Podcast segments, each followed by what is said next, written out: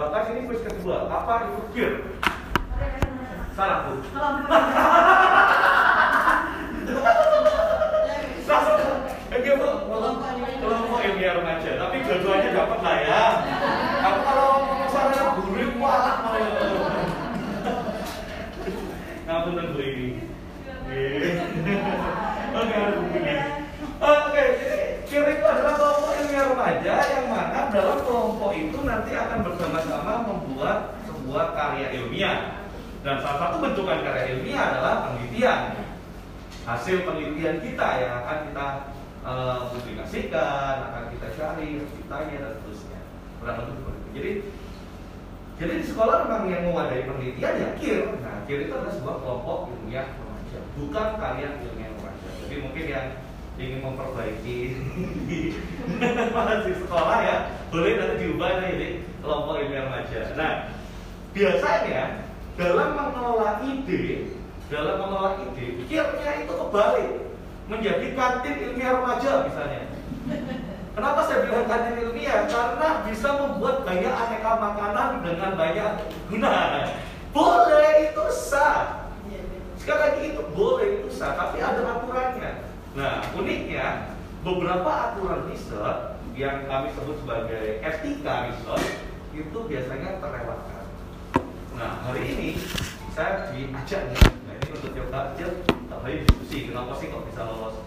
Saya alhamdulillah tujuh tahun berturut-turut meloloskan tujuh sekolah yang berbeda-beda dari tapi dibilang saya pembina saya bukan saya ngerti saya nggak ngerti saya punya kenalan orang dalam saya jawab saya punya kenalan semua orangnya tapi saya nggak punya kenalan orang dalam yang bisa nepotisme karena saya tegaskan dalam penilaian LKIR ini dia tidak melihat siapa pembimbingnya atau bahkan bisa dibilang yang dilihat itu adalah idenya karena mentornya pun terkadang benar-benar mentor yang baru jurinya pun tidak diperkenalkan ini dari sekolah mana atau dari mana. Jadi sebagai hanya judul dan juga abstraknya yang paling jelas. Maka dari itu kekuatan dari judul dan abstrak adalah screening awal yang harus bapak ibu uh, pegang teguh sebenarnya sampai saat ini. Nanti kalau ada judul abstrak, saya kasih tahu ya mekanisme penilaian ribuan karya ini. Setelah judul abstrak, nanti baru dibaca. Misalkan judul abstrak itu dari 4000 diambil 1000 seribu itu baru dibaca kedalamannya. Nah, yang paling banyak dibaca biasanya nanti adalah metodenya. Nah, dan kebaruannya. Nah, dalam metode kebaruan itu semua itu akan berkaitan dengan namanya etika. Gampangnya seperti ini. Maka ini simpel kok sebenarnya. Ini daun kita bisa remes-remes jadikan sebuah cairan, kemudian taruh di gelas. Lagi lagi ngetren ya, daun sambiloto cegah covid. Oke ini sebagai minum ekstraknya minum. Daun sambiloto kira-kira ibu mau nggak? Bisa dulu ibu lagi sekarang sakit. Jadi daun sambiloto dari kalian kira-kira mau nggak ya mohon maaf pasti nggak bakal apa ya nggak bakal langsung diterima gitu loh. Nggak mau kita pasti mempertanyakan secara logika. Iya selain perizinan ini ini ini benar-benar sah nggak? Valid nggak? Nah, sebenarnya dalam sebuah riset semuanya, terutama untuk di kancah LKIR atau kompetisi atau kompetitif, yang dipertanyakan adalah kevalitan datanya. Kurang lebih seperti itu. Jadi, apakah ini benar-benar bisa? Nah, maka dari itu, banyak terkadang terlewat. Langsung mengklaim daun A untuk pertumbuhan masa kambing. Untuk penambahan berat kambing. Daun A sebagai pengganti pakan alami untuk penumbuhan berat pakan kambing Gimana cara ujinya? Ya dimakan. Dikasih makan kita selama tiga hari, empat hari, seminggu dan seterusnya. Loh, nanti kalau kambingnya diare atau apa ya berarti ada reaksinya, nggak bisa gitu. Kalau diare dan sebagainya, ya sudah pertanggung jawabannya akan seperti apa? Apalagi diuji cobakan ke manusia. Lalu bagaimana mas, segena mas? Gini, dalam semoga ada guru kimia ya. Dalam daun ini ada senyawa-senyawanya. Iya mas aku tahu itu kuning, ada senyawa tanin, flavonoid, saponin dan kawan-kawan itu sebagai antioksidan. Oke. Okay. Pertanyaannya adalah apakah pernah melihat bentuk tanin itu seperti apa? Tapi kan bisa secara fitokimia. Oke, okay. kalau secara fitokimia maka tampilkan di judul Anda pengujian secara fitokimia. Tapi ada lebih mendalam seperti itu kalau kita mau belajar lagi. Kita bisa loh mencari senyawa aktif yang ada dalam daun ini. Mungkin kalau guru kimia tadi bisa lebih fasih menjelaskan. Itu kita bedakan, kita isolat senyawanya, kita isolasi senyawanya, dengan berdasarkan tingkat kepolaran dengan fraksi etil asetat, metanol, etanol dan kawan-kawan kita tungguin tetesannya, kita dapat senyawanya, kita lihat senyawanya pakai plat TLC misalkan yang paling mudah, ya pakai kromatografi plat TLC dan seterusnya. Nah, senyawa-senyawa aktif dari ratusan botol itu kemudian baru kita tahu ini senyawa apa, senyawa apa, senyawa apa.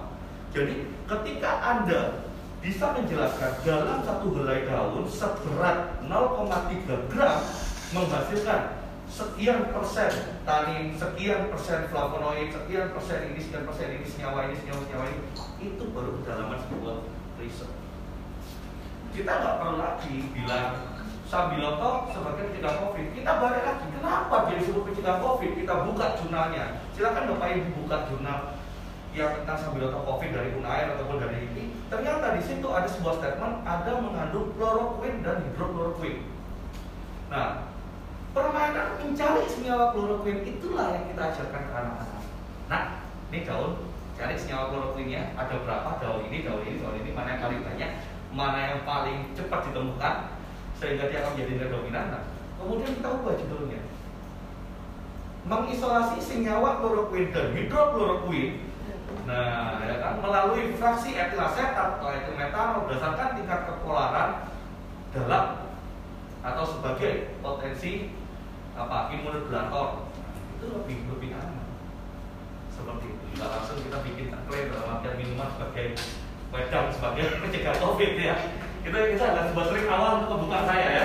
Oke ini nama saya. Jadi bisa temukan di Bayi Indonesia. Nah saya mau tanya seperti ini. Tak tak tak nah nah kita kan mau ikut kompetisi. Saya jelasin dulu.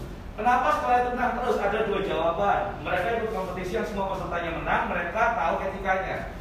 Yang saya pahami sekarang adalah yang tahu etikanya. Saya seperti itu. Kenapa apa ada terbagi kompetisi sampai seperti ini ya? Ya itu nanti saya jelaskan. Kita akan sharing bersama. Kenapa judul saya membuat permen anti diabetes menang di kompetisi internasional tapi gagal di nasional? Nah, kenapa? Ya kembali saya tanya, boleh nggak seperti ini? Nah, bisa jadi ada dua dua usulnya. Ada kompetisi yang semua kompetitif atau juga yang memang ini karena etikanya belum disampaikan secara baik. Oke, karena terkadang di majelis juga pasti miss. Maka dari itu, saya merekomendasikan ketika kita dalam pelatihan tiga hari ini, outputnya nanti adalah Bapak Ibu akan mendampingi anak-anak membuat sebuah penelitian yang belum jadi. Jadi sampai akhir hari Rabu itu Bapak Ibu itu hanya dibantu untuk membuat proposalnya anak-anak. Gimana membuat proposal ini bisa diterima secara logis? Bukan hasil jadi. Gitu loh. Jadi yang kita siapkan apa? Bagaimana mengajarkan anak-anak membuat instrumen dan kawan-kawan? Kenapa?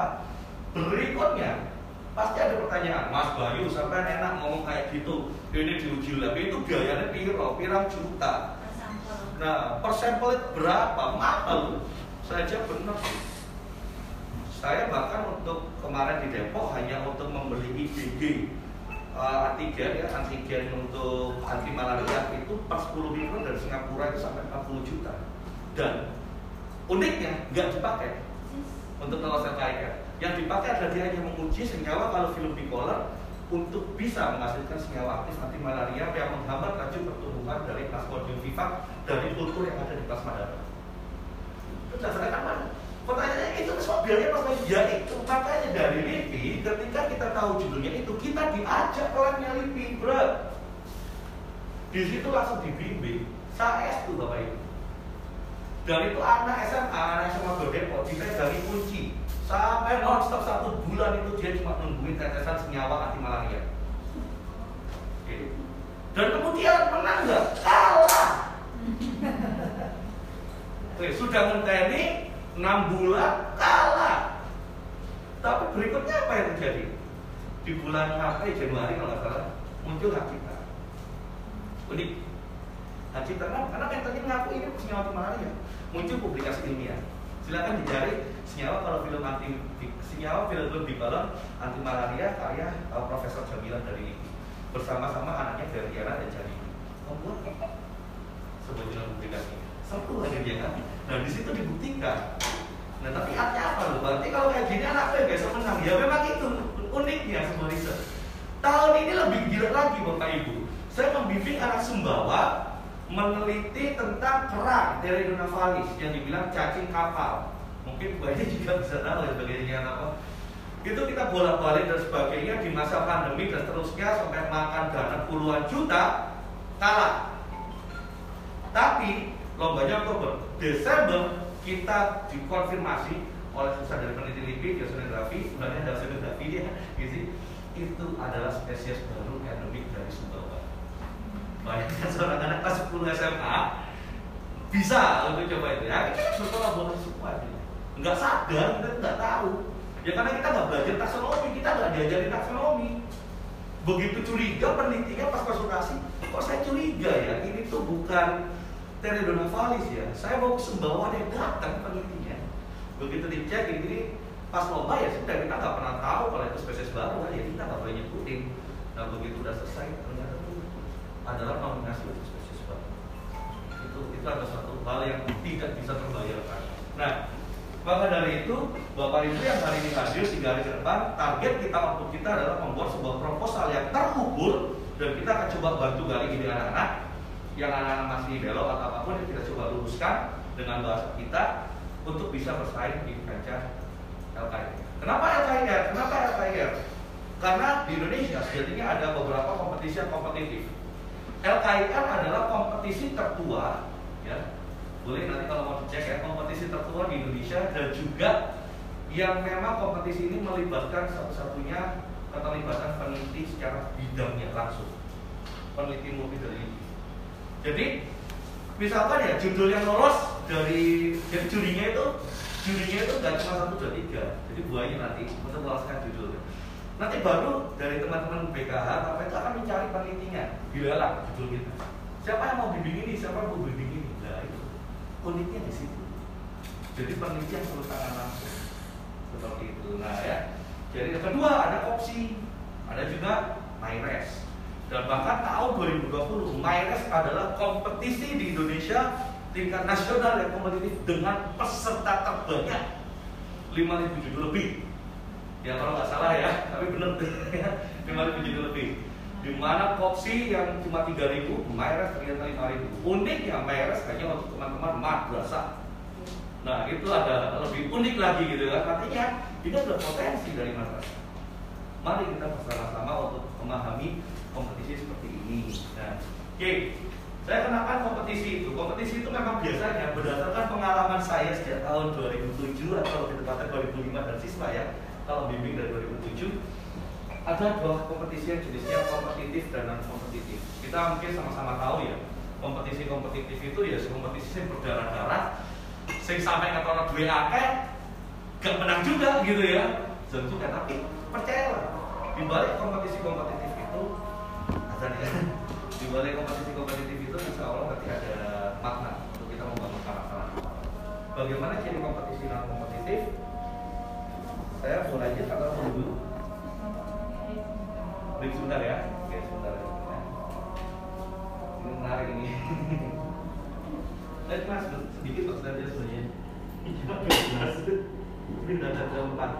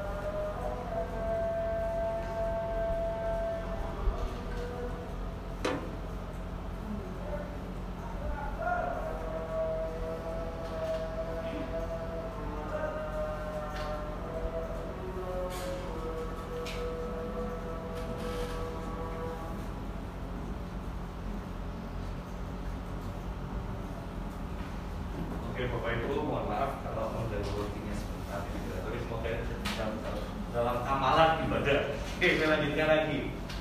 Uh, ciri-ciri sebuah kompetisi kompetitif itu biasanya memang akan melibatkan suatu uh, aparatur atau sebuah penelitian yang melibatkan lembaga negara. Biasanya ada keterlibatan negara dalamnya dan biasanya itu ya kalau lomba itu datang di Samoni ya kan biasanya seperti itu. Nah dalam kompetisi kompetitif itu biasanya kalau sorry biasanya mungkin di Indonesia saya hanya menjelaskan saat ini saya mengidentifikasi kalau lomba yang berarti itu ada LKIR, ada opsi dari Kemdikbud, LKIR LIPI, opsi Kemdikbud, MyRes Kemenak, ada juga yang dari Pusair.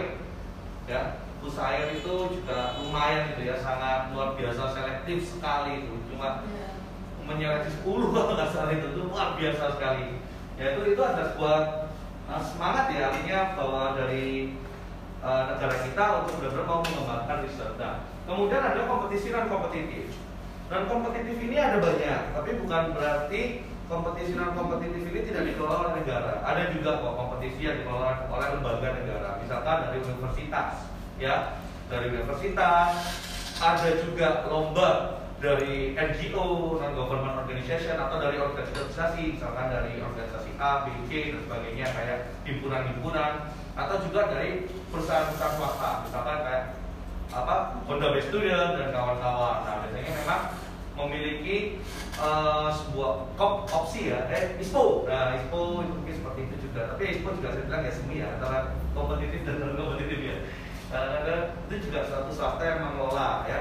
Nah saya ceritakan seperti itu. Nah uniknya saat ini yang saya agak sepanjang pengalaman hidup saya kemudian saya ada dalam tatanan sebuah apa ya bahasanya ya yang juga melihat sendiri ya kebijakan kompetisi di level sebuah negara akhirnya merenung sekali saya. Dan satu-satunya sepulang saya dari luar negeri kemudian saya menyadari ada sebuah kompetisi non kompetitif dan iklim kompetisi yang mungkin akan bisa tanda kutip akan menjadi booming gitu ya. Waktu itu saya masih ingat banget, saya pulang itu ke Kediri langsung saya menghubungi Bu Eni. Saya ngajak ketemu Bu Eni, saya curhat bisa-bisa sama Bu Eni tengah malam waktu itu ya di simpang lima kumpul kalau nggak salah.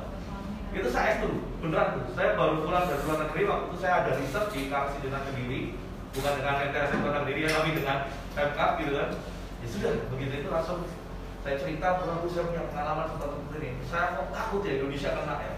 Nah, dilala gitu ya nggak memakan berapa waktu lama saya mungkin harus bisa menjelaskan sebentar tapi semoga dievaluasi ya kalau saya salah tapi saya menjelaskan ini bukan berarti uh, sesuatu hal apa tapi memang ada beberapa model kompetisi yang menginginkan bagus sebenarnya ketika dia menginginkan semuanya terapresiasi. Terapresiasi itu artinya adalah al partisipan menang gitu ya win atau partisipan get medal. Itu sebenarnya suatu terobosan ide yang baik. Namun menjadi tidak baik ketika itu masuk ke ranah ini publikasi. Nah ini bisa menjadi suatu rujukan yang salah. Saya waktu itu nah, apa ya sampai nahan nangis atau mungkin nangis beneran ya.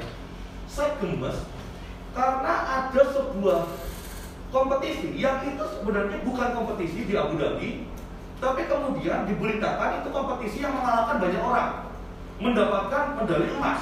Padahal sebenarnya yang benar adalah medalinya berwarna emas dan semua peserta dapat semua. Nah, saya yang sampai itu gregetan sampai tak oh jono iki loh medali kono loro bahasa yang dapat emas gitu kan. Bukan, artinya ini sebuah gregetan di situ. Tapi saya tahu artinya sudah mulai gregetan. Oh ternyata di internasional itu ada beberapa model kompetisi yang memberikan kesempatan kita untuk meraih prestasi lebih tinggi. Tapi harus sadari itu adalah sebatas yang bisa dibilang bukan sebuah penelitian yang memiliki validasi lebih jauh ya. Kalau dibilang itu apresiasi apresiasi. Tapi belum merupakan sebuah sekutu. Nah ketika sebuah apresiasi atas upaya anak-anak disalahartikan menjadi sebuah hasil penelitian hasilnya saya akan berikan contoh kasus yang paling viral adalah bajakan. Semua orang akan berbondong-bondong nyari bajakan. Padahal bajaka juga termasuk adalah sebuah tanaman endemik yang juga harus dikonservasi. Ada undang-undang dan sampai bahkan percaya tahlil dan sebagainya. Nah, inilah yang kemudian sampai kemudian membuat ya saya bilang agak geram ya bahkan salah satu peneliti anti kanker ya waktu itu itu sampai dalam orasi risetnya itu sampai bilang saya tidak akan memberikan komentar tentang bajakan dan tolong jangan bertanya saya tentang bajakan itu kan unik ya sebuah statement seperti itu dalam orasi riset kedokterannya gitu ya eh, profesornya seperti itu nah itu adalah ini yang berbahaya para ibu artinya kita harus membedakan ini ternyata hanya kompetisi yang sifatnya adalah menjadi stimulus perangsang ya dan kompetitif sekali perangsang jadi kadang ada berita kayak gini sekolah A dapat medali perak atau medali perunggu. Ngapunten, ngapunten sekali, bukan dengan, dengan bukan sekali tapi tiga pernah nanti. Ternyata medali perunggu adalah sebuah medali yang semua peserta dapat, pasti dapat. Artinya semua peserta all participant get medal. 25% emas, 30% perak, 40% perunggu. Artinya semua peserta ketika Anda mendaftar dalam kompetisi ini, Anda juga mendapatkan itu. Itu bagus untuk sebuah stimulus tapi jangan sampai menyasar ketidaktahuan orang untuk mendapatkan sebuah pengakuan yang kemudian menjadi viral. Nah, ini akan berbahaya untuk ranah riset karena kita akan mengacu publikasi. Dalam membuat sebuah riset kita ada yang namanya keberpijakan, korespondensi sebuah riset. Nah, ini akan dilanjutkan.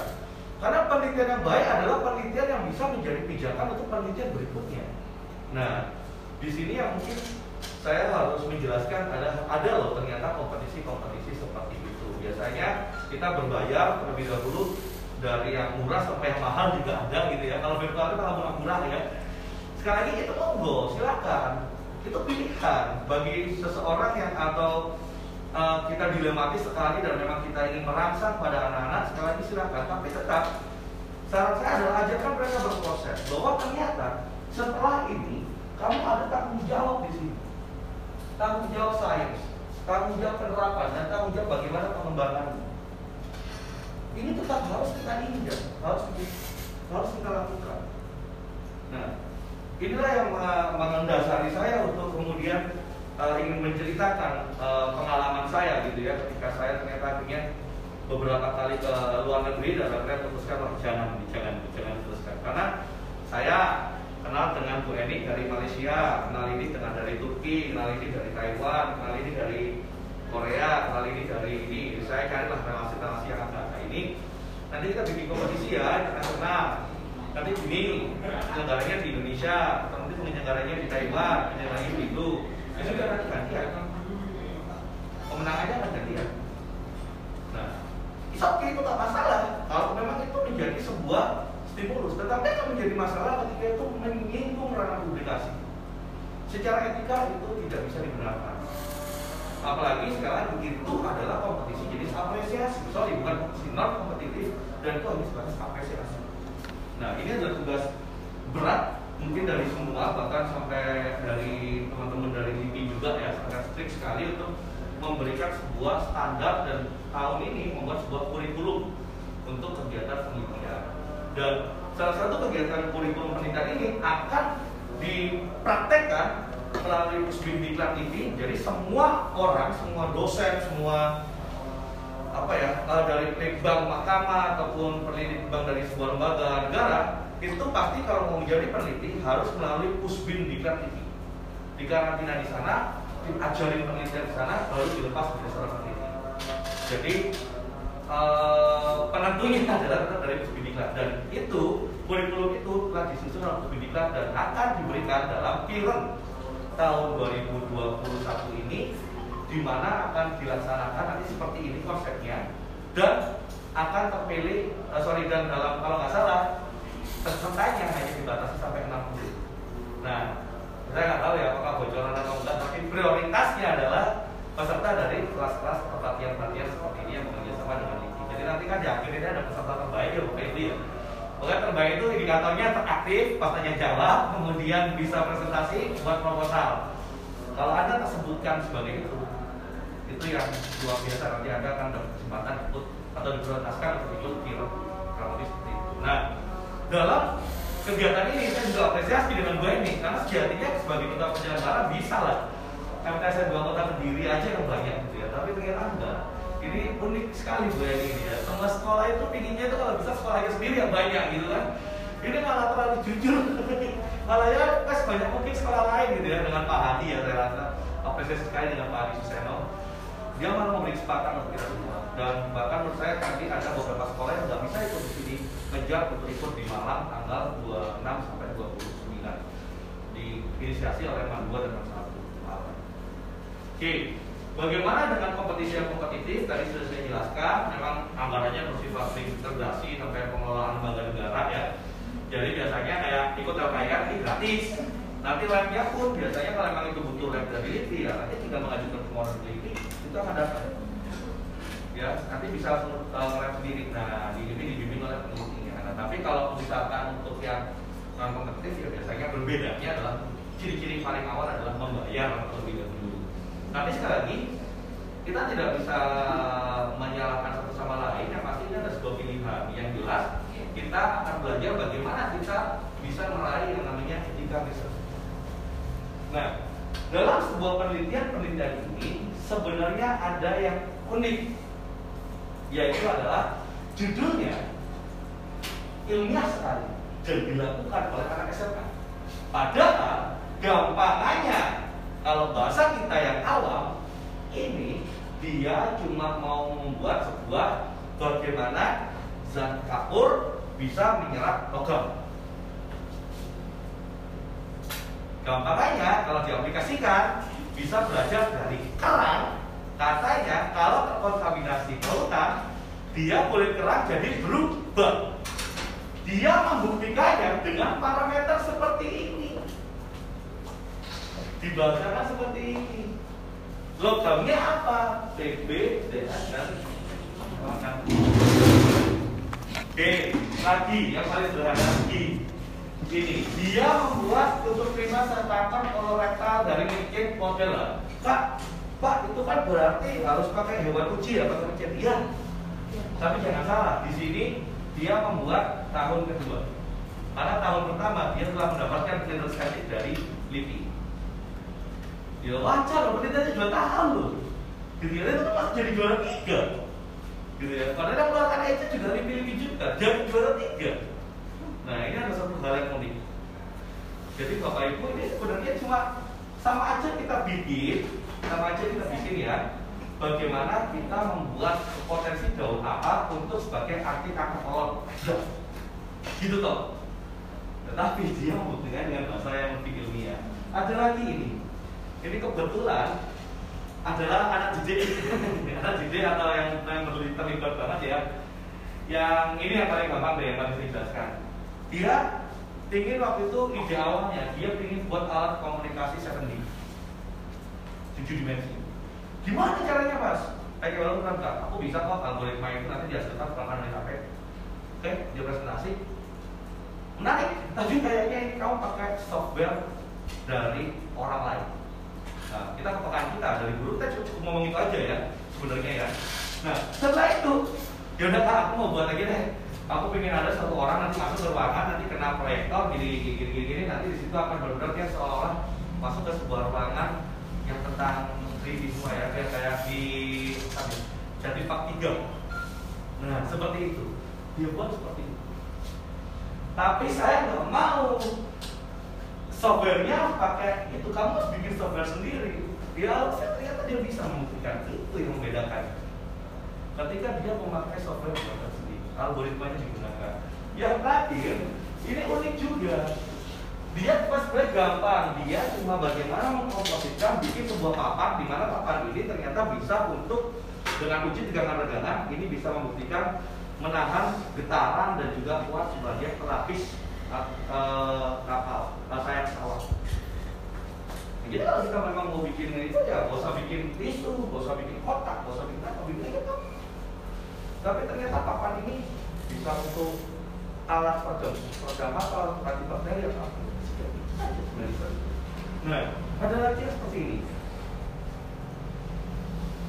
Saya yang ini lebih menarik lagi ini dari Man dua ya, Man dua Tulang Agung ya. Saya selalu bilang Pak Muhib lebih tepatnya ya beliau itu orang yang paling nyeleneh paling saya pikir orang tua yang paling punya jiwa muda yang paling semangat gitu ya beliau itu. Kalau kita bicara tentang penelitian tentang stand komedi itu biasa. Aku mau meneliti tentang stand komedi biasa. Menjadi luar biasa ketika dia sisipkan kekuatannya banyolan Gus Dur tapi jangan juga dibuat jadi maaf misalkan banyolan Bayu. Nggak ada yang tahu Bayu itu siapa. Tapi kalau ternyata banyolan Gus Dur Dur presiden kita menjual ini di internasional. Nah ini yang membuat nilainya itu tinggi sekali gitu loh. Ada lagi film Miss Granny itu juga menjual sekali. Kenapa dia milih film Miss Granny dibanding semua banyak jenis film? Nah artinya apa? Pemilihan para pemenang pemenang pemenang ini di bidang sosial lebih tepatnya akan lebih khas kalau bapak ibu bisa meraciknya bahwa ini bisa dibahasakan secara internasional dengan mudah. Contoh penelitian apa Pak yang nggak bisa dibahasakan internasional dengan mudah? Misalnya, ada nggak sih istilah Jawa atau poseliro? Ah, kita kan nggak merasa apalagi ya. Pokoknya mitos-mitos Jawa dengan istilah-istilah Jawa gitu kan ya. Mitoni. Nah, upacara mitoni. Kemudian kita akan bertanya-tanya, apa itu mitoni? Orang Inggris bingung, mitoni itu apa? Dan ini akan menjebak bapak itu. Pinginnya punya kekuatan lokal, tapi ternyata tidak bisa dibahasakan menjadi yang lebih populer. Nah ini tantangan apa ya uh, trikinya di penelitian sosial benar-benar deh.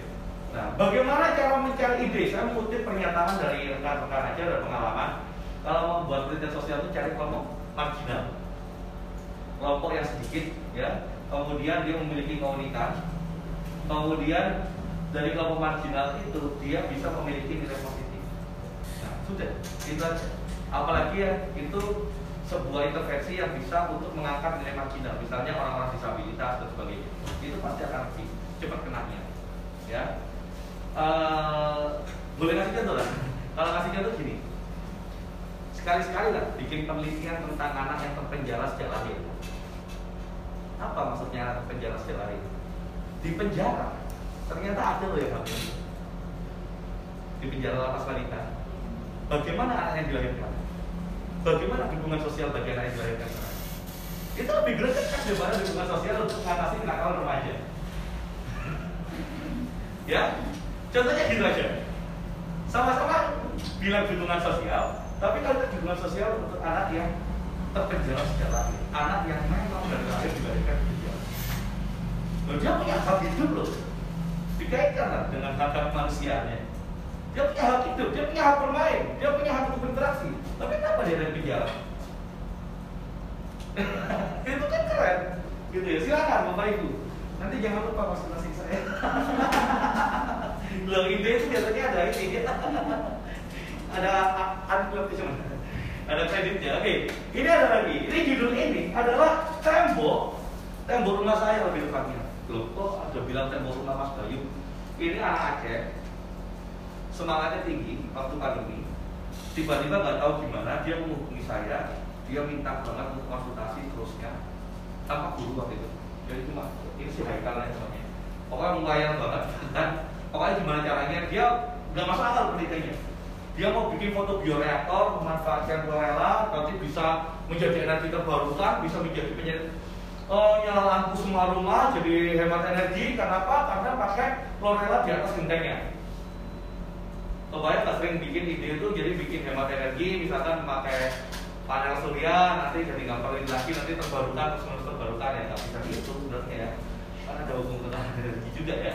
Nah dia bikin seperti itu. Saya bilang itu nggak masuk apa orangnya penasaran kemudian saya bilang gimana kalau foto bioreaktor nah foto bioreaktor dengan chlorella ini bisa nggak menghambat pertumbuhan jamur di tembok? Kenapa? Karena di tembok di sekitar Jakarta, karena lembab dan sebagainya, itu hitam-hitam. Terutama rumah saya. Muncullah jamur yang bikin tanahnya jadi berubah sendiri. Gimana kalau kamu mengatasi itu? Sebagai fotografer, bisa loh itu konsepnya. Ternyata di Sumba bisa. Alhamdulillah dia jadi kurang. Nah, kurang lebih seperti itu. Nah, ada kompetisi yang namanya kopsi sorry ada yang namanya kopsi khusus. Sorry, ada yang namanya kopsi, ada yang namanya myres. Bentar. Hmm, nah kalau di kopsi uniknya akan menjadi suatu hal yang menantang buat bapak ibu karena di kopsi membutuhkan ethical clearance. Apa itu ethical clearance? Yaitu surat pernyataan etik yang akan dikeluarkan oleh universitas ataupun oleh LIPI. Nah, di sini Bapak Ibu, saya coba sharing dengan Bapak Ibu, kira-kira kita sudah dijawab saja. Kira-kira apa kesulitan Bapak Ibu dalam membimbing kalau anaknya akan ikut nah, event kompetisi yang opsi ataupun yang MyRes ataupun yang MyRes. Nah, bagaimana dengan MyRes? Saya kasih bocoran. Pemateri Bapak Ibu, Pak Anggoro adalah kepala dewan juri di MyRes. Betul berarti ya? Jadi sejatinya kalau bapak ibu mau trik ikut lolos MyRes, ini waktunya. Gitu ya, karena itu Pak Anggoro malah dewan juri dia yang punya kewenangan kuat sekali sama dengan kalian, tetapi lebih kepada Pak Anggoro yang paling kuat dan paling ngeyel untuk mengembangkan madrasah. Mungkin ada satu mas, jadi saya apresiasi dan akan oke sekali dengan uh, uh, apa ya konsistensinya Pak Anggoro, kurang lebih seperti itu. Nah, silakan ada opsi, ada apa ya, ada mayoritas. Nah sekarang saya ingin bertanya kepada Bapak Ibu, mungkin Bapak Ibu mau mengadakan sebuah pertanyaan, diskusi ringan saja. Apa sih kendala Bapak Ibu ketika bertemu dengan siswa? Dan mungkin apa yang bisa saya bantu, saya jelaskan. Trik pengalaman. Boleh? Silakan, monggo Pak. Terima kasih. Jadi materi kali ini memang sangat menarik sekali. Terima kasih Mas Bayu atas pengalaman-pengalamannya.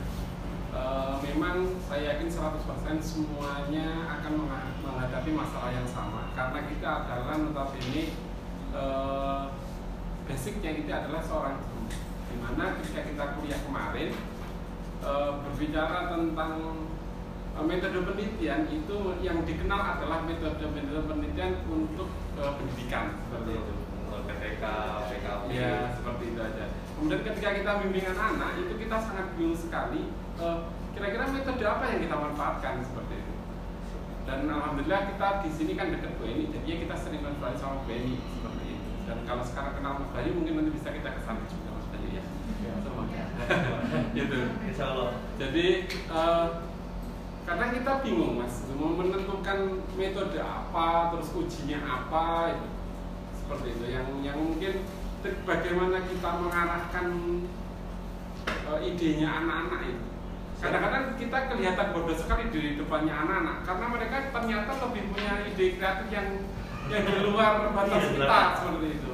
Makanya ya alhamdulillah sekarang ada mbak Google gitu tapi kadang-kadang kita juga mentok gitu ketika menghadapi masalah apa yang diinginkan anak-anak dan kita tidak bisa memberikan solusi gitu. Siap. seperti itu. Mungkin kita untuk mencari metode penelitian yang bagus siapa saya jujur jawab pak berdasarkan pengalaman saya yang pertama kata kuncinya pastikan anak tidak murtad.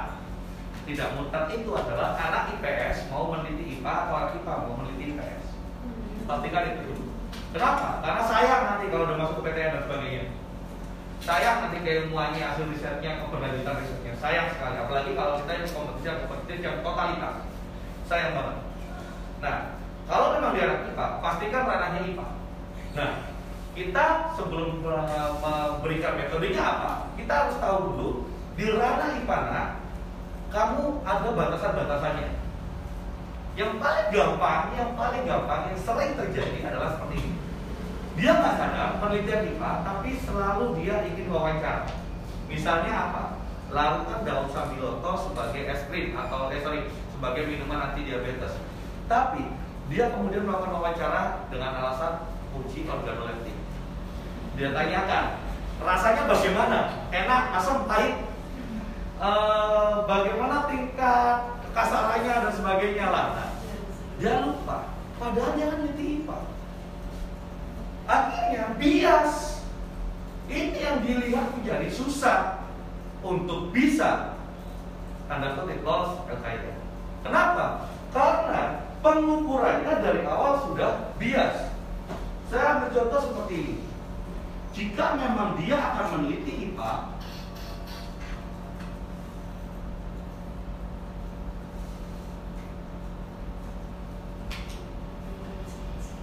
Jika dia akan meneliti pas jadinya dia cukup melihat seperti buah manggis. Kulit buah manggis. Kulit ini bisa menunjukkan apa aja sih ukurannya? Tidak. Bapak bawa aja Pak manggis, durian, atau serikaya untuk ngetes ya, ngetes metode dan sebagainya atau mungkin daya tarik anak-anak kayak dulu. Saya punya 10 serikaya. Silakan hitung bulirnya ini berapa per anak satu hasilnya pasti beda-beda kan kita ajarin mereka bikin rata-rata oke kita ajarin mereka bikin pandang baku koefisien varian dan sebagainya. Nah kemudian standar deviasi koefisien varian dan sebagainya. Kemudian setelah itu setelah anak belajar nilai rata-rata kemudian kan dia akan tahu oh, yang sering banyak muncul seperti apa. Nah itu sebenarnya dari implementasi belajar matematika sih. Tapi di situ kita akan jadi tahu nah Srikaya varietas ini ternyata punya banyak ya rentang dari segini sampai segini dengan dominan dominan rata-rata jumlah bulirnya adalah segini. Itu yang pertama. Yang kedua kita gali lagi ke sudah ini kan belum dibuka misalnya ya kita buka anak-anak suruh hitung berapa bijinya mungkin bisa nggak sih ada hubungan antara biji dan bulirnya ini itu yang itu, itu yang salah satu trik ya artinya mereka sudah dari awal yang IPA diajarin untuk ukur dan tidak melakukan wawancara. Karena dihadapkan langsung dengan buah, ya nggak mungkin ditanya wawancara. Kecuali kalau kita tanya rasanya apa. Nah, setelah diukur berapa bijinya, ya kan ada banyak daging buahnya. Mereka suruh nimbang daging buah dan berat bijinya. Syukur-syukur ada berat kayaknya di awal. Nanti di situ akan bisa kita buat itu. Sama seperti sebuah penelitian seperti kacang hijau, yaitu seperti ini gelap terang kemudian yang tumbuh kita bicara dari nanti baru tak simpulkan nah kita nggak tahu sebenarnya kalau gelap dan terang ini ada punya parameternya intensitas cahaya berapa lux andai kan kita diajari kita bisa tahu berapa lux cahaya bisa tumbuh dengan sempurna dan berapa intensitas cahaya di dalam kacang hijau nah uniknya di hari pertama kita nggak sadar kita nanam sampai belasan kacang hijau padahal kerapatan kacang hijau mempengaruhi pertumbuhannya. Yang tumbuh cuma 3, 4. Bisa jadi ketika kita mengatur jarak cuma 4, ternyata dia bisa tumbuh terus-menerus atau lebih cepat. Nah, di sini ada yang namanya sebuah judul intensitas cahaya dengan pertumbuhan biji kacang hijau. Anak-anak diajari untuk merubah kata intensitas cahayanya atau variabel bebasnya. Nah, tadi udah butuh kaya kan? Yuk kita coba lihat yuk hubungan antara berat dua, jumlah bulir, bulir, jumlah biji, kemudian apa lagi itu ya, berat daging sebagai identifikasi kualitas serikaya. Anak-anak akhirnya punya tabel, tabel jumlah biji, tabel ini dan itu lebih menantang. Kemudian didasarkan pada praktik sebagai closing ya karena kalau bilang ada persepsi dan sebagainya ya sebagai closingnya adalah nah kalau anda suka berikan IPA jadilah sebagai duta satu objek kamu tidak perlu banyak bertanya-tanya atau melibatkan manusia untuk mencoba rasa serikayamu nah. tapi ternyata kamu menjadi lebih tahu tentang serikaya akan lebih manis kalau bulirnya seperti ini ternyata mengidentifikasi durian matang adalah belajar dari jarak antar duri pada durinya. Bukan di tempat, bukan dicium. Karena anak IPA kan, kita belajar, oh duri atau duri atau segini, segini, hanya Dia punya tabel banyak.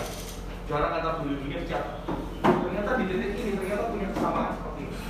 Nah, maka yang IPA, ajarkanlah bagaimana dia bereksperimen untuk merubah variabel bebas. Bagaimana cara merubah variabel bebasnya? seperti ini. Nanti kita ubah seperti ini. Sama-sama kacang hijau ganti konsentrasi kalsium. Tadinya pakai air, sekarang pakai tambahan kalsium. Berapa persen, berapa persen, berapa persen. Mana yang tumbuh lebih cepat. Diganti lagi, kasih logam terlarut. Oh ternyata kan kacang hijau jadi bisa menyebabkan logam terlarut ya. Ajarkan dia bereksperimen. Ajarkan dia mengobservasi. Saya nggak mau eksperimen pak, kalau uji level apa. Saya mau mengajarkan anak observasi. Silakan. Kita selama ini belum tahu tentang bahasa kucing kucing minta makan kucing uh, mau kup kucing mau birahi atau apa pun anak-anak suruh foto wajahnya kucing. Kalau lagi marah kayak apa, lagi makan seperti apa, kalau lagi lapar seperti apa dan sebagainya. Dia suruh buat buku atau inventaris tentang wajah kucing. Dia kemudian bisa kan membuat sebuah macam kayak ensiklopedia kucing, mengamati perilakunya, atau mengamati perilaku semut. Nah, kalau semutnya dioles uh, gula, kecap, madu dan sebagainya, mana yang paling didekati? Oh, kita ganti yuk uh, spesimennya. Tadi spesimen semut hitam, sekarang semut merah. Dan lagi semut yang besar, dan seterusnya. Tes. Alhamdulillah. Haus pak. Mau. Ya. Ah, Terima kasih bu. Nah, ya itulah bereksperimen ya. Nah, ini penelitian sosial kalau yang ini ya. Nah, Berarti Bibi udah telepon. Oke. Itulah yang saya berharap pada Bapak Ibu nanti bahwa kalau anak mau meneliti batasi dia hanya melakukan observasi. Apa yang diobservasi? Biasanya kalau mau observasi paling enak tentang animal behavior, Oke, tentang perilaku binatang. Tapi jika seandainya nanti membutuhkan eksperimen, awalilah dengan sebuah eksperimen-eksperimen yang sederhana yang bisa kita uh, pelajari setiap harinya yang kita nggak sadar misalkan menguji tingkat kekuatan durian berdasarkan cara pada duri dan. Bagaimana dengan IPS? Ajarkan anak-anak membuat studi kasus, misalkan ya. Saya mau melihat persepsi anak-anak tentang misalkan pembelajaran online. Yuk nak, kamu kamu kamu, kamu semua cari data, tapi nggak boleh sama. Kamu nyari data untuk uh, anak SMP, kamu anak SD, kamu anak SMA, kamu untuk ibu-ibu, kamu untuk ibu Diajarin berkelompok tapi yang datanya berbeda. Dia, kamu harus wawancara by phone. Kamu harus membuat kuesioner. Nah, diajari seperti itu. Nah, dari awal kita sudah mengajari atau membatasi kalau anda akan melakukan penelitian sosial, sudah pasti yang menjadi objeknya adalah manusia. Tinggal manusia nanti akan kamu perlakukan sebagai apa dan bagaimana. Seperti apa? Lebih seperti itu. Tetapi kalau Anda akan meneliti IPA, sebelum kita bicara metode, Anda potensinya adalah semua yang berhubungan dengan alam. Potensi hewan dan potensi tanaman itu. Nah, kurang lebih seperti itu Pak. Jadi kita batasi saja. Walaupun sebenarnya bisa nggak sih eksperimen itu dan jatuh ke ilmu sosial? Bisa. Tapi kalau kita untuk pemula, supaya Anda nggak bingung batasi di situ. Nah, bagaimana dengan penelitian tindakan penelitian tindakan? Kita kan ada sering tuh bikin penelitian tindakan. Nanti setelah perlakuan dan sebelum perlakuan, ya kita terangkan saja kepada pengamatan skala, bukan lagi kepada yang akan diukur berdasarkan nilai. Pengamatannya seperti apa? Nilainya seperti apa? Nilainya misalkan kecepatan lari semut atau banyaknya semut yang mendekati. Nah, kurang lebih seperti itu. Mendekati gula, mendekati madu, mendekati kecap dan seterusnya. Nah, jadi Pak, semoga uh, kalau nanti kita dihadapkan kepada siswa yang bertanya metode apa yang paling pas untuk kita bisa mengajarkan kepada anak-anak pemula, tanda petik pemula terlebih dahulu ya, sebelum nanti anak ekspor, adalah kita pastikan dulu anak-anak tidak mutar sesuai bidangnya. Kalau anak itu SMP, kita lihat dulu bakat anak ini gimana. Nah, setelah itu baru anak-anak kita ajari untuk mencari apa bedanya dengan penelitian sebelumnya. Nah, kita suruh mereka bereksperimen untuk berubah variabel bebasnya. Kurang lebih seperti itu. Jadi fokus dengan variabel terikat,nya tapi disuruh ubah-ubah variabel bebas. Kurang lebih seperti itu, Pak. Ini semoga menjawab secara aplikatif ya, Pak, secara langsung ya. Tapi ini berdasarkan pengalaman aja, Pak. Karena kalau anak-anak sudah diajarkan bias, ini anak udah mengukur wawancara juga sudah kita jamin. Sampai besok dia akan terekam seperti itu. Ini berbahaya. Dia mau buat mainan, tapi cara pengujiannya dia cuma kepuasan orang-orang bermain dan sebagainya. Jadi juga akan berbahaya. Jadi ini yang menurut saya terus saya. Ada lagi mungkin Pak Bu pertanyaannya? Monggo Bu. Eh, ini Pak, permasalahan yang kemarin kita coba itu ada anak yang ingin meneliti eh, bahwa orang tuanya itu suka mengkonsumsi misalnya eh, daun jati istilah yang kita itu kan banyak dijual. Nah itu katanya penyakit jantung. Nah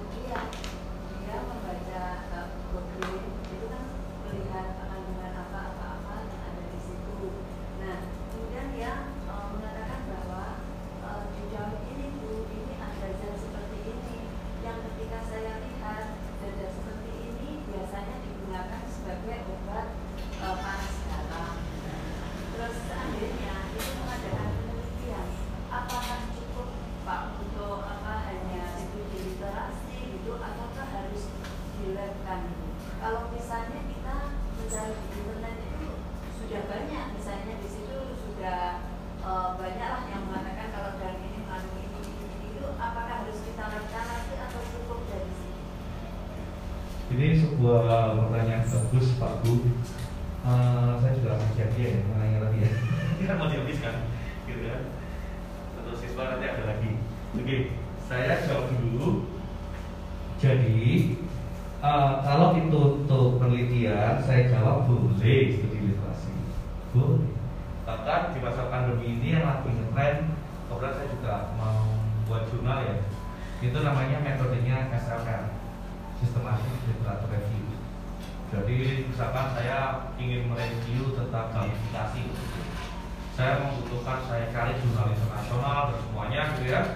Saya cari yang variabelnya mendekati atau penelitian itu hampir sejenis. Saya kumpulkan dari ratusan itu terseleksilah 97 penelitian. 97 penelitian itu saya meta analisis. Nah, kemudian menghasilkan kesamaan dan perbedaan atau limitasi. Nah, limitasi-limitasi itu ada beberapa hal yang belum tersentuh. Nah, yang belum tersentuh itu kemudian saya buat sebagai hasil penelitian atau konklusinya bahwa belum pernah diadakan penelitian untuk menguji ini. Itu ada sebagai dasar uh, sistematik literatur review, nah atau metode SLM. Pertanyaan saya, kalau ini akan terjadi kepada anak-anak, biasanya kan nggak gitu. Biasanya mereka langsung bilang bahwa merekomendasikan daun ini bisa untuk penyembuhan panas dalam, misalnya daun cincau atau apa gitu ya. Nah, yang paling baik jika itu memang hanya untuk penelitian dan menumbuhkan minat baca, itu sah untuk dilakukan untuk studi literatur review itu nggak ada masalah. Tetapi ketika itu akan ikut serta kompetisi, sejatinya itu belum. Ketika itu akan diujikan untuk mendapatkan hak cipta, itu juga belum. Nah, hak cipta itu ya, kalau mungkin kalau main ke laboratoriumnya MTSN 2 Kota Kediri itu ada ada banyak kita dipajang gitu ya. Saya nggak tahu ada berapa gitu ya tapi itu menarik itu seumur hidup gitu di berlaku seumur hidup sampai 70 tahun ketika kita meninggal. Itu kan menarik sekali. Ya. sebenarnya kalau untuk mereka belajar nggak ada masalah. Mereka tahu kandungannya tapi kalau itu akan menjadi sebuah naskah atau setara kompetisi menurut saya belum cukup. Lalu bagaimana? Misalkan daun jati tadi ya? Daun jati sebagai misalkan para dalam ya? Oke jadi caranya adalah nanti kita akan ngelabkan ada ada dua opsi itu dilabkan atau kita belajar ngelab. Kalau dilabkan kita kirim sampel biasanya itu laboran kita terima jadi. Itu banyak bu.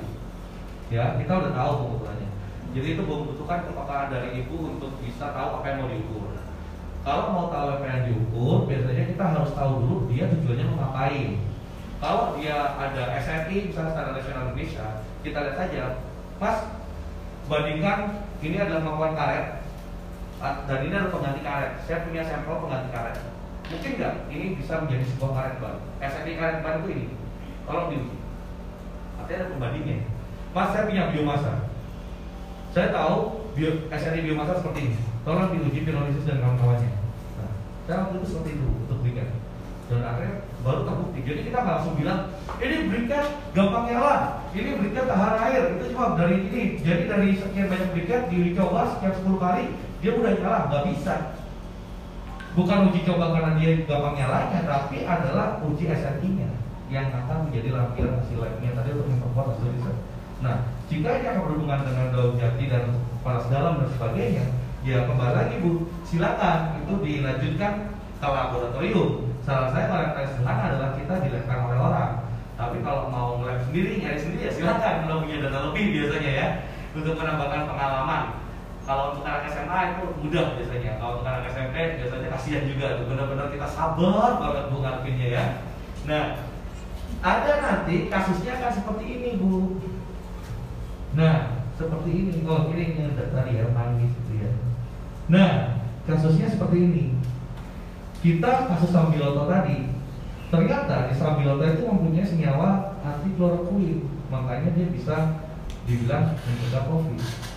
Jangan-jangan itu di daun jati memiliki sebuah senyawa yang bisa menurunkan panas dalam.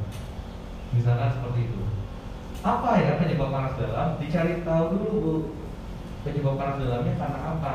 Apakah mungkin karena bakteri yang mengakibatkan peradangan dalam tenggorokan?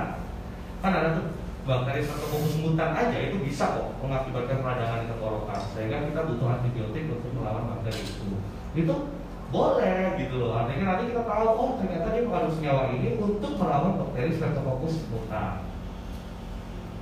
monggo kalau misalnya ya uh, itu tadi sudah kita dari jurnal kita sudah bikin lumayan banyak. Heeh. dan hasilnya seperti itu. Nah kemudian kita melabkan uh, itu. Bagaimana kedudukan kepunyaan kita terhadap yang sudah kalau hasilnya misalnya sama. sama. Iya itu pertanyaan yang bagus bu. Sangat bagus dan saya sering dulu akhirnya ya cuma jadi pembuktian aja. Ya ini nah inilah. Inilah jadinya jadi pembuktian aja bu akhirnya bu Terus kalau misalnya seperti itu, apakah mungkin barangkali dari penelitian itu ada sesuatu yang kita tonjolkan dalam hal tertentu? Bisa. misalnya? betul bisa misalkan gini ada beberapa hal yang saya bilang bisa ditonjolkan seperti ini. Sebenarnya pertanyaannya sudah punya case semua ya?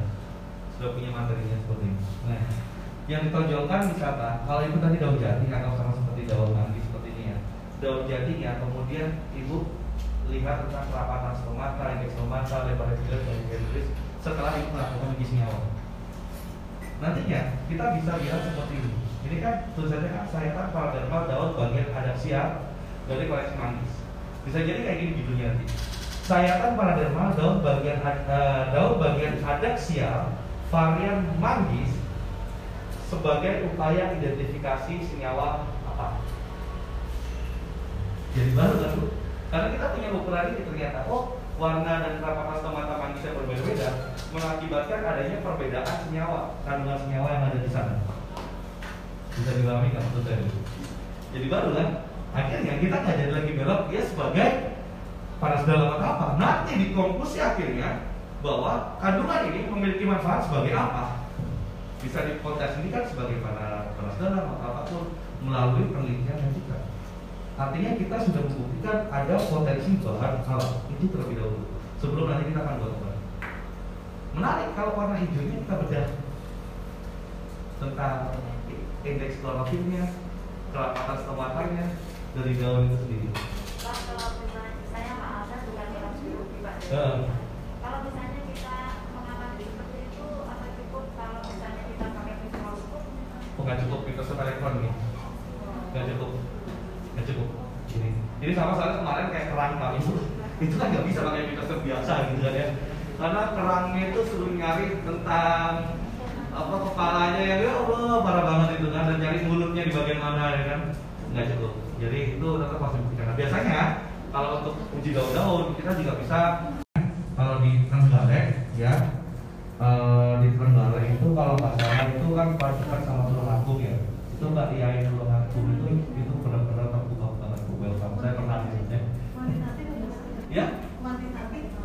ya lah- lah ada laboratorium umum yang untuk fisika untuk biologi semuanya itu bisa kok sama kita kooperatif apa yang mau diuji gitu ya.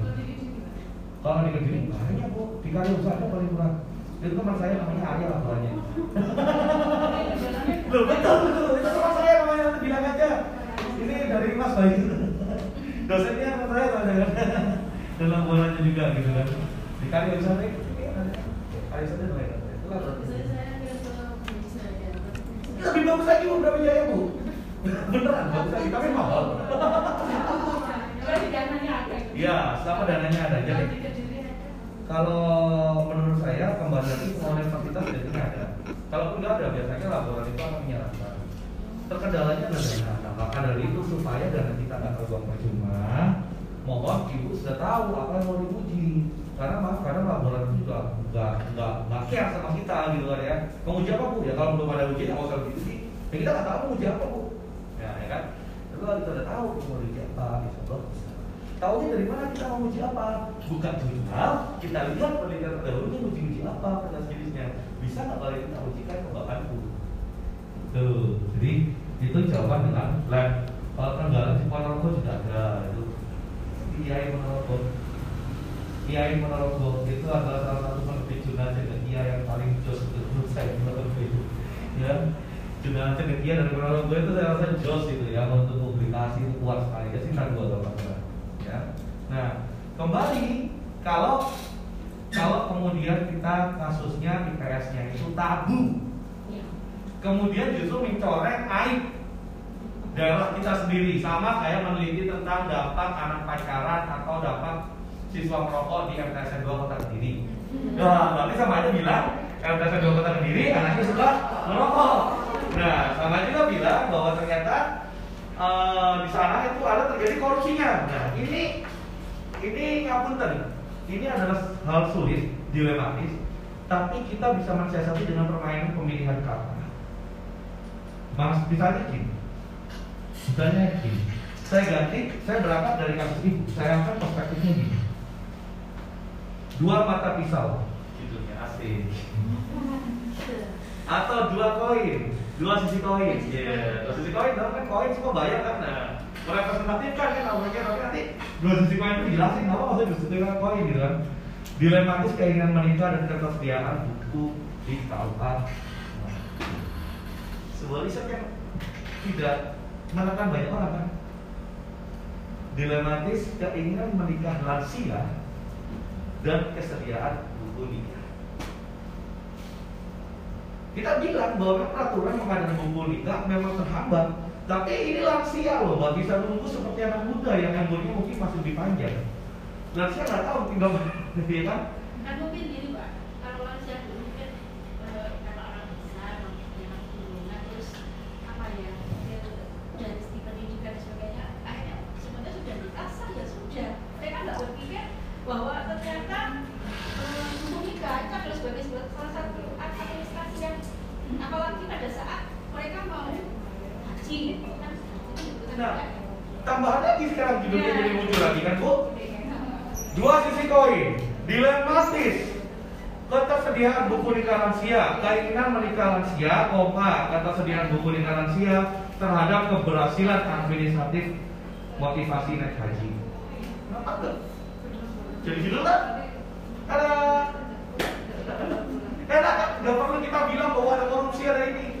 Kita bilang saja bahwa ternyata mereka itu kita yang kita ekspos adalah ternyata ada benturan, ada ada say dan ada solen ya, ada antara kesenjangan antara teori dan faktanya bahwa mereka itu sudah mau menikah, tetapi menikahnya belum dipercayai ini sehingga mengakibatkan uh, haji atau keberhasilan haji di salah satu kota menjadi menurun. Dan salah satu penyebabnya adalah karena tidak ada ketersediaan buku nikah. Lebih solutif kan? Dia kan lebih aman kan untuk berkata-kata. Sip, lanjutkan bu. Semoga bertemu di final kalian itu masa bu. eh beneran itu keren bu. Karena anjuti lansia itu udah banyak orang berpikiran anjuti lansia kemudian dikaitkan dengan keinginan naik haji. Ditambah keinginan naik haji pasti orang-orang mikirnya apa? Jumlah tabungan, pekerjaan, kesadaran, motivasi, religiositas. Ini enggak menikah. Ketersediaan buku nikah sama kemarin jumlah fluktuasi naik haji. Keren. Sip. Lanjutkan dulu. Ya bener kan? Loh iya bener tau maksudnya kan? Haji pasti variabelnya religiositas. Ya, nah gitu gitu aja. Ini nikah dong gitu loh. Nikah lansia loh. Keren gitu. Lanjutkan. Memang yang belum punya itu banyak di memang di masa tertentu aja. Yang mungkin pada saat itu tadi saat saat oknum yang eh, yang bersangkutan masih. Ya, nggak apa-apa. ya, itu aja. Tapi kalau Ya, walaupun kita tahu ada oknum yang menjabat ada apa, kita kan cuma tinggal butuh kita tinggal butuh data inventarisir buku nikah di kabupaten atau kota kabupaten Kendari. Itu aja. Di setiap kecamatan atau di kecamatannya. Ketika inventarisir yang ditunjukkan bilang kalau kita nggak perlu bicara bahwa ini oknum desa apa, kita nggak perlu mengekspos keburukannya. Tapi yang kita ekspos adalah ini loh jadi merosot orang tunggal haji gara-gara buku nikah nggak ada. Keren kan? Lanjutkan. Motivasi pemberian anak terhadap kesulitan naik haji. Gara-gara orang Jawa kalau ngasih nama Sukarni tok, nggak pakai dua kata belakangnya. Suprihana tok. Nah, kalau mau naik haji kan tiga ya. Itu kata. Nah, kenapa enggak? Itu menarik.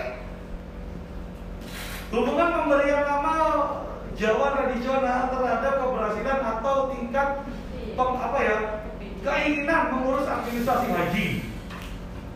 Masukkan ke MyRes bu. Tertawa orang MyRes itu. Pak. Lanjutkan bu. Bismillah. Beneran bu lemes. Tahun 2020 kemarin itu sudah dimasukkan itu ya, tapi terus mendapat ya itu kan juga. Wah, kalau sudah dimasukkan kok nggak lolos gitu ya? Ya, mungkin kita aja ya. Selain ubah judul biasanya ya metode dan tulisannya juga harus Trik berikutnya bu, ketika sudah selesai proposal, kita cek plagiasinya. Per paragraf kalau. Di situ kita akan ajarkan anak-anak untuk tidak menyontek. Mau tahu nggak kasus yang lebih viral? Saya. Kasus viral saya adalah seperti ini.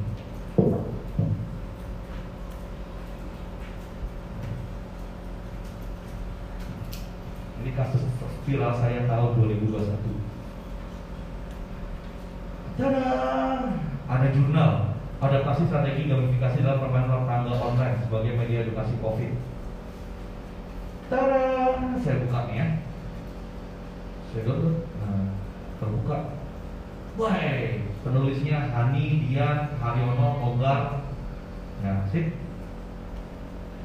Di sini kita lihat aja nggak usah dibaca, mungkin kalau mau baca boleh nanti silakan dicari sendiri gitu ya. Kita lihat aja bentukan awalnya ya kayak gini tuh. Metodenya pakai kayak gitu.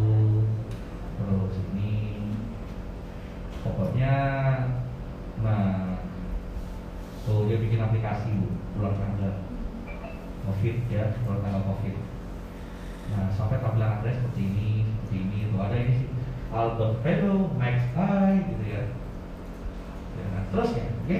Nah, di sisi lain, ternyata ini adalah dari Puspesnas dari SMA 2 Depok.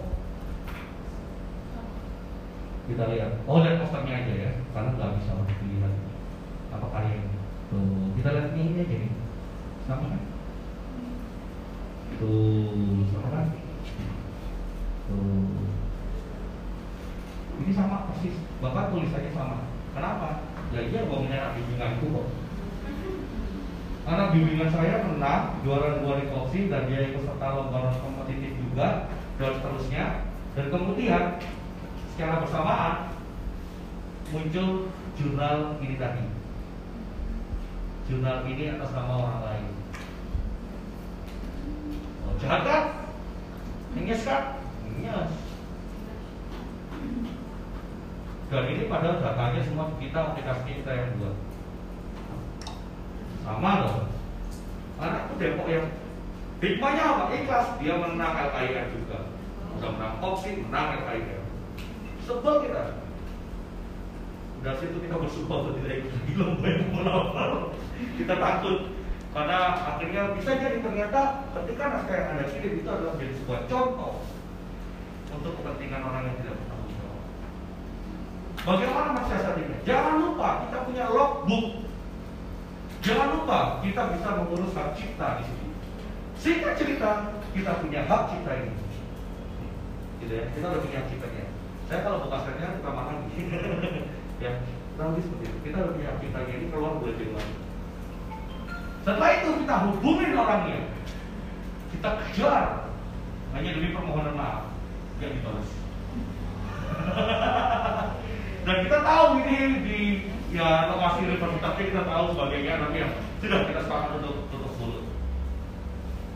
Ya. Pernah nggak penelitian Pak Bayu dicuri? Banyak. Ide-ide itu dicuri banyak. Ikhlas saja. Kalau memang ini bisa mengangkat derajat kita. Percayalah apa yang kita tanamkan sekarang akan kembali ke anak kita. Pasti. Gak kelihatan sekarang mungkin nanti pas kita mati, akan meninggalkan. Kita nggak bisa milih mau lahir dari rahim siapa. Tapi kita bertanggung jawab mati sebagai siapa. Sekian dari saya. Wassalamualaikum warahmatullahi wabarakatuh. Aku nih sekali. Oh, siap, siap, siap, siap, siap.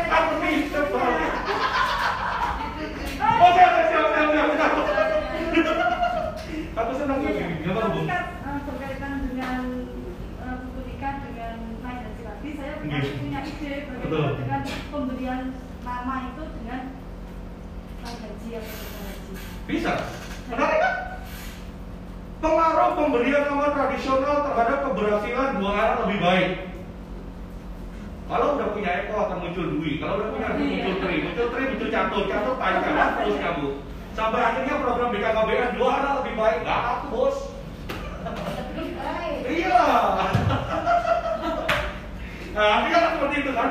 Kita itu. Ketika, ketika kemudian suatu peraturan dibenturkan dengan kenyataan di lapangan. Apalagi dikaitkan dengan nilai-nilai budaya. Ya. Boleh saya meninggalkan ruangan kita berdiskusi lagi. Oh boleh lagi Hek, ya. Sebentar ya. Oke. Terima kasih sekali atas apresiasinya sekali lagi. Terima kasih. Ini akan tentang pengajian hak cipta itu bagaimana? Misalnya anak saya baru kemarin 14 April ini dengan pergi SOM itu Hmm. bikin game dan memang benar eh, apa menang gitu. Dapat medali. Ah. Nah, ibunya tuh sempat nanya, apakah ini sudah dihak ciptakan? Belum. Nah, saya berpikir gimana caranya untuk hak cipta itu biar eh, kita punya hak paten. Ah, sebenarnya simpel bu. Kalau untuk hak cipta itu biasanya kalau untuk maju kita tinggal daftar ke Kemenkumham. Ham, ya Kemenkumham. Itu dari Kemenkumham. Dan di situ ibu harus melampirkan semua data validasinya. Logbook, metode dan semuanya banyak. Yang paling terakhir pentingnya adalah siapa supervisinya. Siapa lembaga yang menyertainya. Bener Pak? Itu ada ada pertanyaan terakhir, ada pertanyaan satu kolom. Kayaknya paling berfungsi adalah siapa yang lembaga menyertainya. Misalkan gini, kayak ini kan ya, ini kan dari Kemdikbud ya. Ya kita maju dong. Gak mungkin nama kita kemudian dicabut oleh puspres dengan tidak hormat. Kalau kita nggak nyontek kok. Ya kita ajakin debat lah puspresnas. Yakinnya apa? Puspresnas mau membackup untuk memberikan surat pernyataan bahwa ini adalah naskah sah dari sini dan itu dilampirkan kan harus ada bawa-bawa bukti otentik yang dilampirkan ya di antaranya ada administrasi lembaga nah lembaga ini selain lembaga sekolah bahwa dia siswa sekolah dan daerah buat itu ada buknya juga duitnya seperti apa faedah ilmiah seperti apa ada juga sertifikat dari lembaganya sertifikat lembaga itu adalah maksudnya dia mengeluarkan otoritas untuk ini bisa dikeluarkan sebagai atau boleh diajukan ke kita. Biasanya seperti itu. Nanti akan ada verifikasi. Biasanya itu butuh waktu. Nanti ibu tinggal lihat diterima atau ditolak kalau ditolak bayar lagi terus lagi. Kalau langsung direview nunggu untuk sidang sidang sidangnya online sekarang. Kalau untuk sidang kalau nggak untuk sidang artinya direview tanpa oh, diterima tanpa review ya. Eh aduh saya lupa namanya ya, statusnya. Apa pokoknya langsung muncul nanti akhirnya ya sudah itu berarti hoki banget itu. Nggak perlu sidang gitu ya. Itu biarnya lebih murah. Tapi kalau ditolak ya harus mulai dari awal. Nanti maju lagi terus jadi bilang tiga ratus. Pendaftaran itu biaya akhirnya di setengah. Tujuh ratus ribu. Kalau tanpa tes. Beneran bu. Kalau kita nggak bermasalah kita kuat di administrasi kita yakin. Maju bu. Dan syarat berikutnya tidak boleh ada publikasi. Kalau ada publikasi ada sengketa nah kembali kan? Makanya silakan ini besok ini ada orang TV yang mau syarat publikasi dari PPPI itu eh, syarat kita dari PPPI itu adalah justru meredam publikasi selama itu belum valid justru tidak boleh dipublikasikan Gitu. Nah, jadi kalau udah ada publikasi yang besar, apalagi jumlah penelitian atau judul penelitiannya hampir sama satu sama lainnya, berat. Misalkan hampir sama, makanya bisa dibilang kayak lomba kita itu adalah lomba dulu-duluan. Loh, saya itu. Jadi kita merasa punya keunikan ini, kita yakin duluan. Begitu ada yang hampir sama, ya sudah, akhirnya kayak frekuensi. Ya kan? Hanya sebatas logo, dan sebagainya akhirnya jadi ya sengketaan. Tapi bu usahakan mendapat hak cipta. Kenapa? Saya jawab sekali lagi. Sertifikat itu sekarang nggak ada harganya. Jadi jangan dibohongi oleh seseorang bahwa nanti sertifikat ini ini. Yang paling mahal sebenarnya adalah kalau itu kenapa? Di hak cipta itu tertulis 70 tahun setelah punya penelitian. Tertulis sekali. Jadi menurut saya hak cipta ini akan jauh lebih membantu anak-anak untuk bisa lebih dikenal. Eh, sebentar ini semoga ada ya materi saya tentang hak cipta ya. Oh, Tapi tadi kode-kode nih, saya mohon maaf sekali. Ah, nggak ada dong.